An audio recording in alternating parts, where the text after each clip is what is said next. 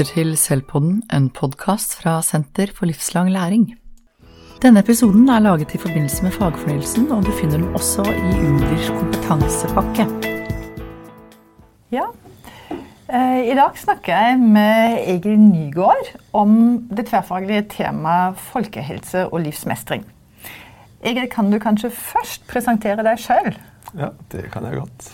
Eh, jeg er professor i psykologi ved Universitetet i Oslo. Eh, jeg er også klinisk psykolog med spesialitet på barn og ungdom. Så hele mitt liv så har jeg jobbet i forhold til at barn og ungdom skal ha det best mulig. Eh, og blant, spesielt med fokus på skole. Så jeg har bl.a. vært skolepsykolog.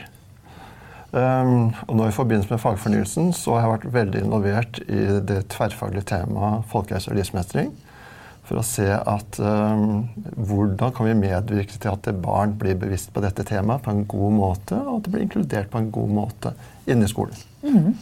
Så jeg er veldig glad for at nå får vi dette temaet inn i skolen i Norge. Så du er spesielt engasjert i dette temaet. Ja. Så da har jeg jo lyst å høre fra deg. Hva er de store samfunnsutfordringene, eller big questions, som det også sies, eh, som går inn, eller som er berørt av dette temaet. Mm.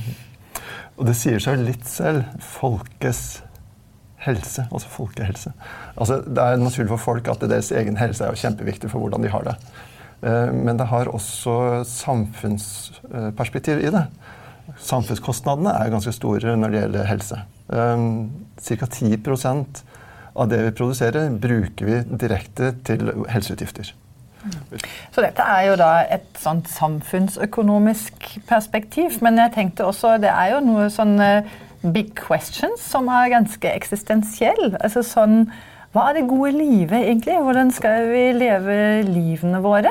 Altså hva, Når du tenker sånn livsmestring, er det hvilke perspektiver inngår der? Det er, det er for at det, Hvordan skal man medvirke at folk får det godt? Jo, det er rett og slett å gi dem mulighet til å ta de to gode valg i livet. Mm. Og det kalles livsmestring. Mm. Så jeg syns det er et dobbeltperspektiv hvor du har folkehelse, og så er det livsmestring som skal medvirke til at folk får det godt i livet. Mm. For når jeg tenker helse, så tenker jeg egentlig hvordan folk har det.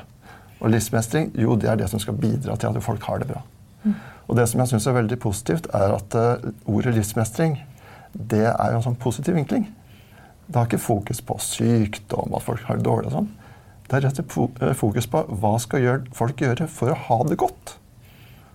Så jeg liker veldig godt den vinkling som er gjort i dette. Mm, dette. Det positive. Ja. Og da er vi egentlig allerede inne på uh, hvilken forståelse ser du egentlig kommer til uttrykk i overordnet del. Altså det, folkehelse og livsmestring er jo det temaet som får kortest omtalelse mm. i overordnet del.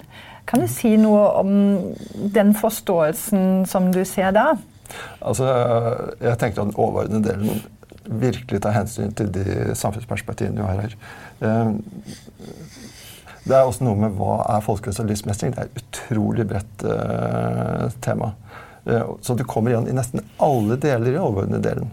Altså Det kommer inn i tverrfaglige, nei, inn i de, um, verdigrunnlaget, hvor det snakkes om menneskeverd og identitet. Kritisk tenkning. altså Hvordan tenker man? Motivasjon, miljøbevissthet, demokrati.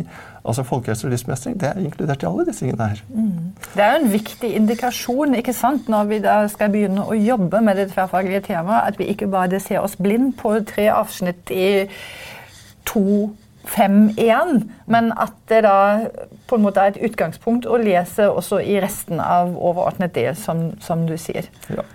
For Det er noe med huske opplæringslovens paragraf 1.1. Der står det jo faktisk at elevene skal utvikle kunnskap, ferdigheter og holdninger for å kunne mestre sine liv. Så mm. allerede der i opplæringsloven så kommer livsmestringen. Mm. Og sånn er det gjennomført hele veien. Mm. Men så er jo dette er som sagt veldig store utfordringer, store spørsmål. Og, og så kan man sitte som lærer i en skole og lure på jo, men hvordan skal jeg jobbe med dette. Mm. Hvilken, hvilken, indikasjon finner du i både overordnet del og læreplanene da? Eh, for hvordan skal det jobbes med den tematikken? Altså mm. Hvilken kompetanse, og hvordan utvikle denne kompetanse? Mm. Det var ganske mange spørsmål samtidig. Ja, og du kan ta deg tid til å besvare de én og én. Eh, men hvis du snakker om hva er det man egentlig skal gjøre i skolen, for det er det du spør om, mm. så står det faktisk over en del at skolen har eh, to oppdrag. Det er et utdanningsoppdrag, og det er et danningsoppdrag. Og det er viktig at begge ivaretas. Og de er ikke konkurrerende. De, altså, hvis man jobber med det ene, så får det positive konsekvenser for andre. For eksempel, det er mange studier som viser at uh, hvis man jobber med barnas uh, sosiale ferdigheter, følelsesmessige ferdigheter, okay, så får de bedre ferdigheter innen å ha det bra og kunne relatere seg til andre. Men det får minst like store konsekvenser for akademiske ferdigheter, noe så enkelt som karakterer.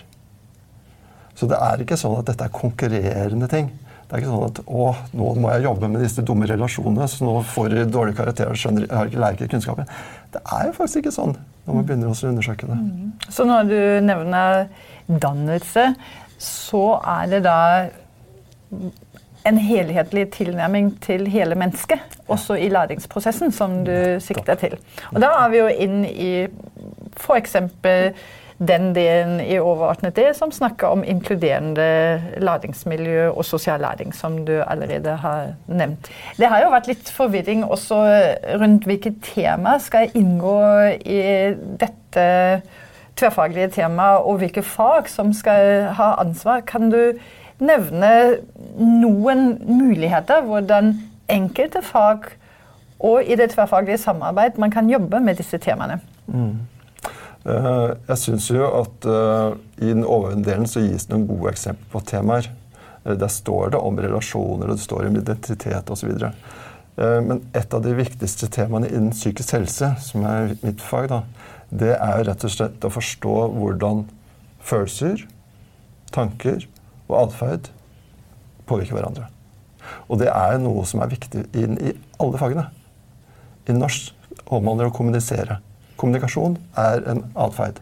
Hvordan påvirker våre tanker hvordan vi kommuniserer? Fremmedspråkene og engelsk. Hvordan ø, kommuniserer man følelser på tvers av ulike kulturer og språk? I samfunnsfag hvordan blir man påvirket av at man er i en gruppe? Altså, Hvordan blir vi påvirket av samfunnsmannlige og sosiale perspektiver når vi skal ha en atferd og gjøre noe? Hva er det som gjør at vi tar de valgene Eh, som gjør når det gjelder etikk og moral. Altså Det er temaer som kan være inne i KRL. Hvordan påvirker våre følelser det vi gjør? Mm. Uh, I kroppsøving uh, Hvordan oppleves av kroppen? Hvordan påvirker det våre følelser? Hvordan blir vi påvirket når vi tar på hverandre? Hvordan er intimitetssoner? Altså det uh, Hvordan våre handlinger påvirker våre følelser motsatt. Det er kjempeviktig å trene på. Mm. Og det kan man gjøre i kroppsøving. Når jeg hører deg nå, så er det egentlig to ting som lærerne kan se etter. Og det er hvilke konkrete f.eks. kompetansemål er knyttet til det tverrfaglige temaet. Mm. Da er det begreper, metoder, kunnskapsområder som er spesifikk for dette fag. Men så sier du hver lærer kan også se på disse overordnede kompetansene, som f.eks. kan utvikles gjennom metodologi og mm. arbeidsmåter. Ja. Så det er forskjellige måter å forholde seg til uh, dette temaet, som kan være i større eller mindre grad knyttet til uh, de kompetansemålene som f.eks. står i, i, et fag. Ja. Jeg tenker at det alle, det, Dette er et, virkelig et tverrfaglig tema som gjelder alle fagene. Og det gjelder på alle nivå. For at det er, alle mennesker har det på en eller annen måte. Når vi snakker om folkehelse. Det betyr hvordan folk har det. Og eh, vi skal jo skape et godt eh, læringsmiljø. Mm. Så, Så, det er noe er, som gjennomsyrer? Det gjennomsyrer, virkelig. Kan du nevne eksempler som du vet om hvordan skoler har jobbet med f.eks. opplegg eh, relatert til denne tematikken? Eh, det er jo utrolig hvor mye forskjellig som skjer i skolen. Ja. For heldigvis så har lærerne en sterk innflytelse på hvordan ting skal gjøres. til og også det. Um, så Hittil så har det vært en del sånn prosjekter hvor man skal ha psykisk helse inn i skolen som eksempel. Um, I noen skoler så er det blitt gjennomført hvor det har liksom egne timer som er, handler om psykisk helse. F.eks. i Trondheim, hvor, det, hvor kommunen har bestemt at det skal være et eget fag. Men så med andre skoler om man har eh, på en måte leid inn ekstern hjelp for å snakke om psykisk helse. Men så har det også at eh, mange skoler har rett og slett at de har noen av disse temaene tverrfaglig. Hvor da lærerne på ett trinn de setter seg ned og sier at ok, nå ønsker vi å jobbe med klassemiljø. Klassemiljø det er livsmestring. Ja, det er læringsmiljø. Og hvordan skal vi jobbe med det nå? På tvers av alle fagene. Hvordan skal vi medvirke til at det er gode relasjoner her innad i klassen? Hvordan skal vi unngå mobbing i, i den klassen? Hvordan skal vi for, for venner? Hvordan skal vi medvirke til at folk har det rett og slett godt, og dermed kan senke skuldrene og lære? Mm. Så dette betyr hver lærer kan finne ut om ting helt individuell og alene. Jeg har lyst til å kjøre dette opplegg, men man kan øke ambisjonsnivået til å gjøre dette til et felles anliggende. Mm Eh, for en faggruppe eller på trinnivå, eller som du sier, på, på hele skolen. Mm. Hvorfor tenker du det er viktig at uh, folkehelse og livsmestring har kommet inn som tverrfaglig tema i læreplanene?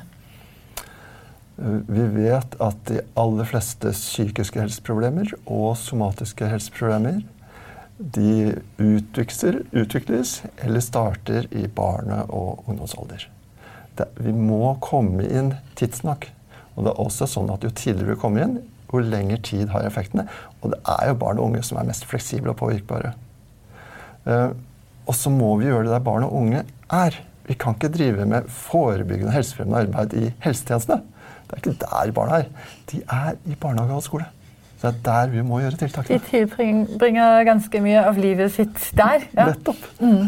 Og det er der det da må skje. Mm. I det daglige. Hver mm. dag. Ja. Når dette er sagt, ser du noen utfordringer eh, som dette tverrfaglige temaet kan møte? Mm. Det ser jeg definitivt. Um, det er store forskjeller i fokus uh, mellom personer, og også mellom faktisk faggrupper.